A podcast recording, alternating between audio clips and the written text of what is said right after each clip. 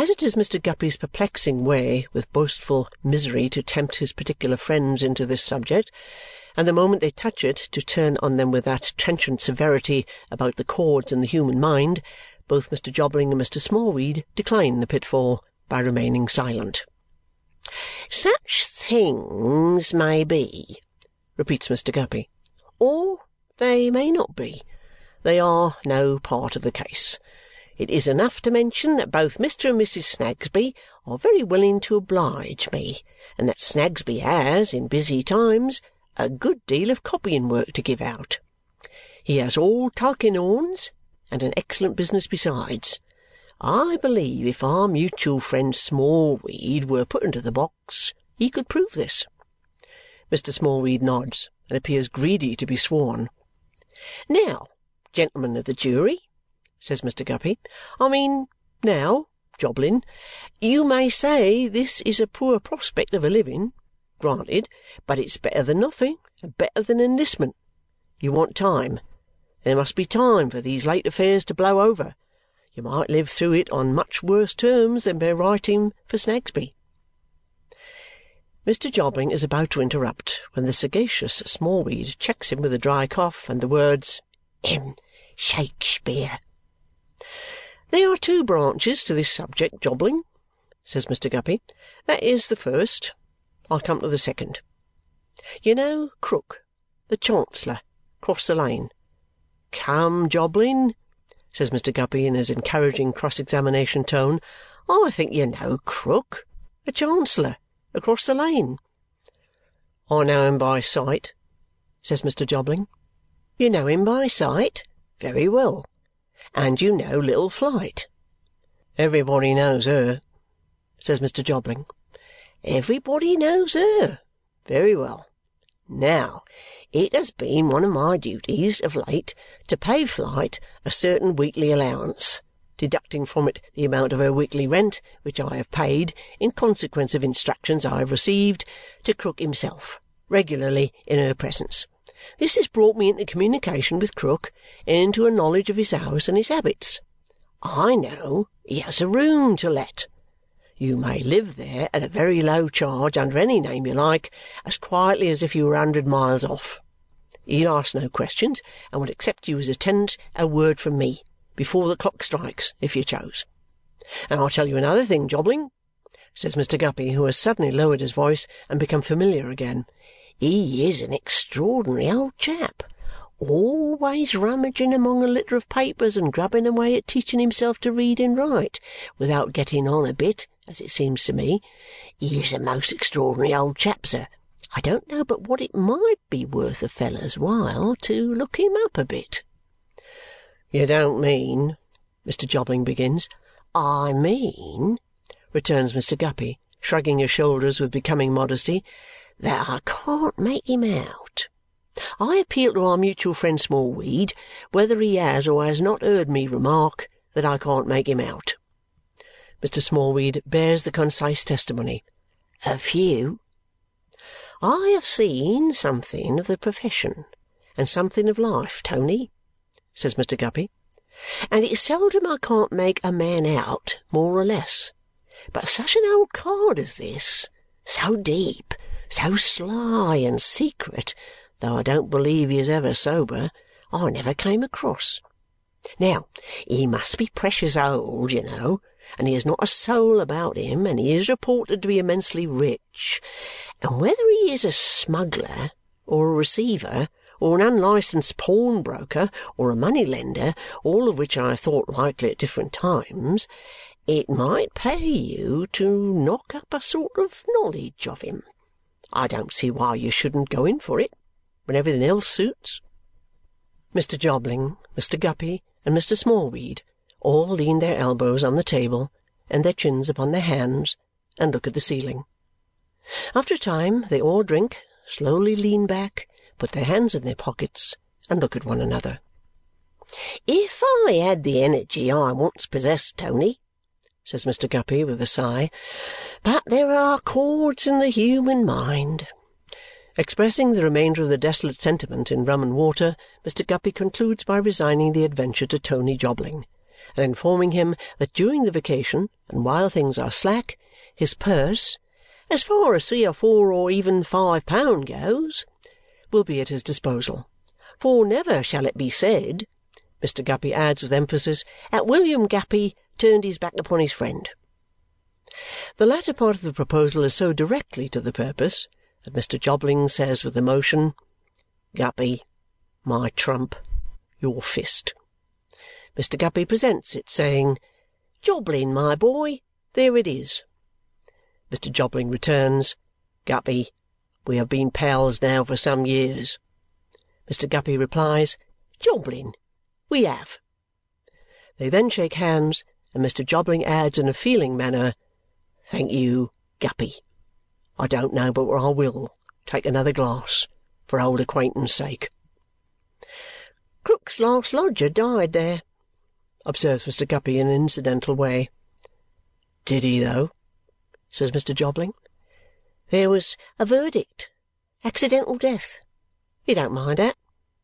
No, says Mr. Jobling. I don't mind it, but he might as well have died somewhere else. It's devilish odd that he need to go and die at my place.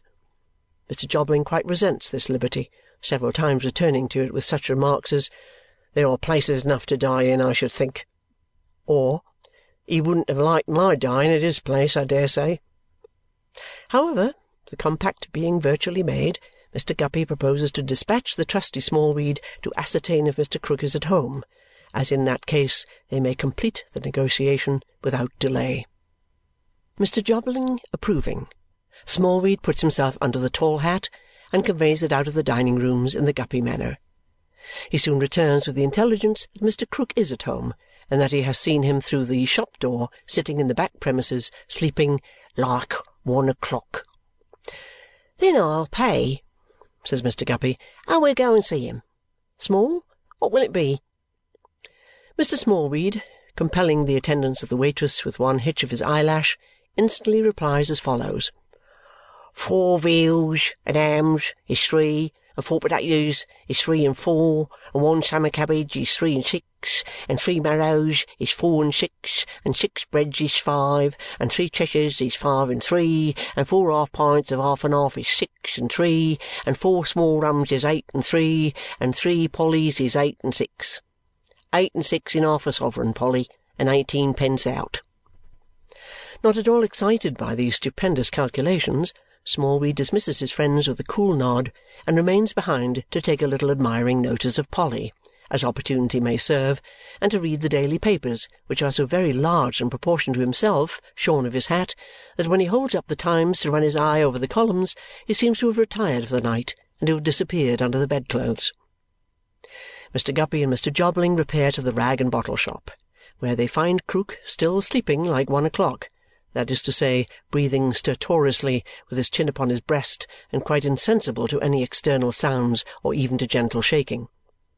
On the table beside him, among the usual lumber, stand an empty gin bottle and a glass. The unwholesome air is so stained with this liquor that even the green eyes of the cat upon her shelf, as they open and shut and glimmer on the visitors, look drunk. Hold up here, says Mr. Guppy, giving the relaxed figure of the old man another shake. Mr. Krook! Hello, sir! But it would seem as easy to wake a bundle of old clothes with a spirituous heat smouldering in it. Did you ever see such a stupor as he falls into between drink and sleep? says Mr. Guppy. If this is his regular sleep, returns Jobling, rather alarmed, it'll last a long time one of these days, I'm thinking. It's always more like a fit than a nap, says Mr. Guppy, shaking him again. Hello, your lordship! Why, he might be robbed fifty times over. Open your eyes. After much ado, he opens them, but without appearing to see his visitors or any other objects. Though he crosses one leg on another, and folds his hands, and several times closes and opens his parched lips, he seems to all intents and purposes as insensible as before. He is alive, at any rate, says Mr. Guppy. How are you, my Lord Chancellor? I brought a friend of mine, sir on a little matter of business. The old man still sits, often smacking his dry lips without the least consciousness. After some minutes he makes an attempt to rise.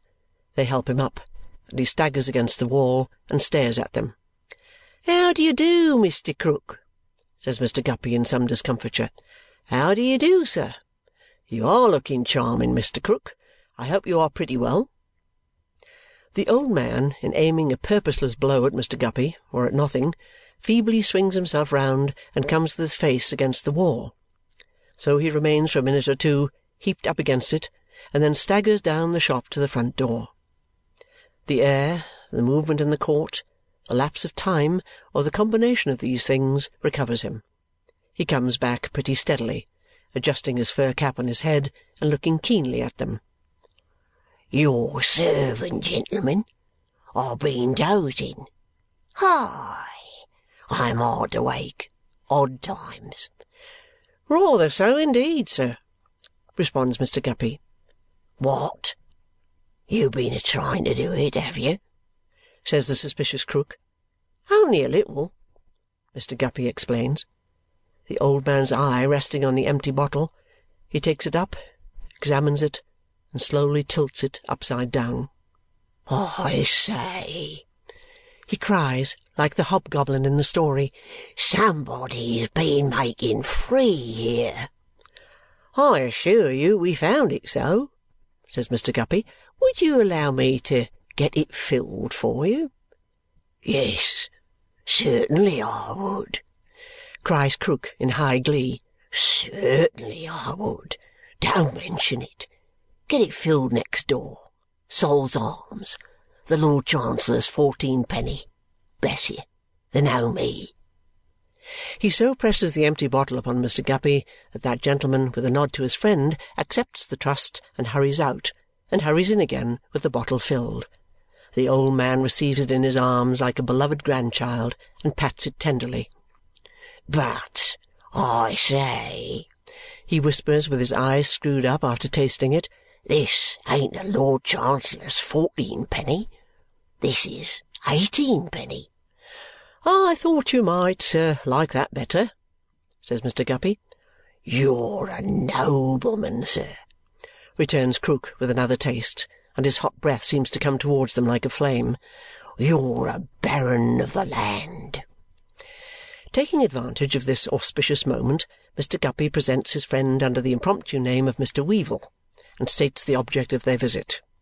Krook, with his bottle under his arm he never gets beyond a certain point of either drunkenness or sobriety takes time to survey his proposed lodger and seems to approve of him. "You'd like to see the room, young man," he says. "Ah! It's a good room. Been whitewashed. Been cleaned down with soft soap and soda. Hi! It's worth twice the rent, letting alone my company when you want it and such a cat to keep the mice away." Commending the room after this manner, the old man takes them upstairs, where indeed they do find it cleaner than it used to be and also containing some old articles of furniture which he has dug up from his inexhaustible stores. The terms are easily concluded for the Lord Chancellor cannot be hard on Mr. Guppy, associated as he is with Kenge and Carboy, Jarndyce and Jarndyce, and other famous claims on his professional consideration, and it is agreed that Mr. Weevle shall take possession on the morrow. Mr. Weevle and Mr. Guppy then repair to Cook's Court, Cursitor Street, where the personal introduction of the former to Mr. Snagsby is effected and, more important, the vote and interest of Mrs. Snagsby are secured. They then report progress to the eminent Smallweed, waiting at the office in his tall hat for that purpose, and separate, Mr. Guppy explaining that he would terminate his little entertainment by standing treat at the play, but that there are chords in the human mind which would render it a hollow mockery. On the morrow, in the dusk of evening, Mr. Weevle modestly appears at Krook's, by no means incommoded with luggage, and establishes himself in his new lodging, where the two eyes in the shutters stare at him in his sleep as if they were full of wonder. On the following day Mr. Weevle, who is a handy good-for-nothing kind of young fellow, borrows a needle and thread of Miss Flite and a hammer of his landlord and goes to work devising apologies for window curtains, and knocking up apologies for shelves, and hanging up his two teacups, milk-pot, and crockery sundries on a pennyworth of little hooks, like a shipwrecked sailor making the best of it. But what Mr. Weevle prizes most of all his few possessions, next after his light whiskers, for which he has an attachment that only whiskers can awaken in the breast of man, is a choice collection of copper-plate impressions from that truly national work, The Divinities of Albion, or Galaxy Gallery of British Beauty, representing ladies of title and fashion in every variety of smirk that art, combined with capital, is capable of producing. With these magnificent portraits, unworthily confined in a bandbox during his seclusion among the market gardens, he decorates his apartment. And as the Galaxy Gallery of British Beauty wears every variety of fancy dress, plays every variety of musical instrument, fondles every variety of dog, ogles every variety of prospect, and is backed up by every variety of flower-pot and balustrade, the result is very imposing.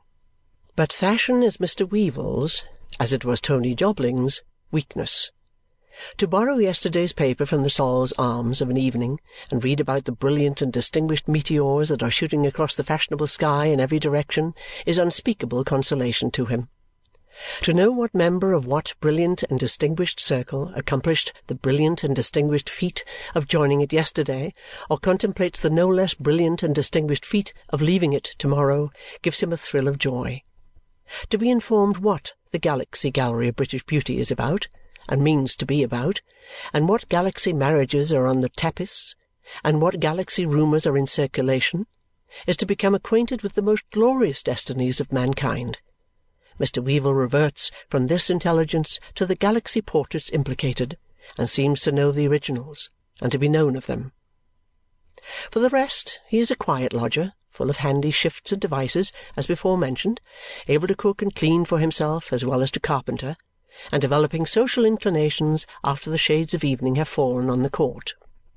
At those times when he is not visited by Mr. Guppy or by a small light in his likeness quenched in a dark hat, he comes out of his dull room, where he has inherited the deal wilderness of desk bespattered with a rain of ink, and talks to Krook, or is very free, as they call it, in the court, commendingly with any one disposed for conversation.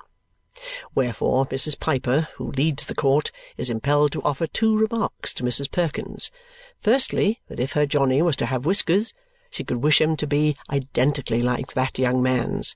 And secondly, mark my words, Mrs. Perkins, ma'am, and don't you be surprised, Lord bless you, if that young man comes in at last for old Krook's money.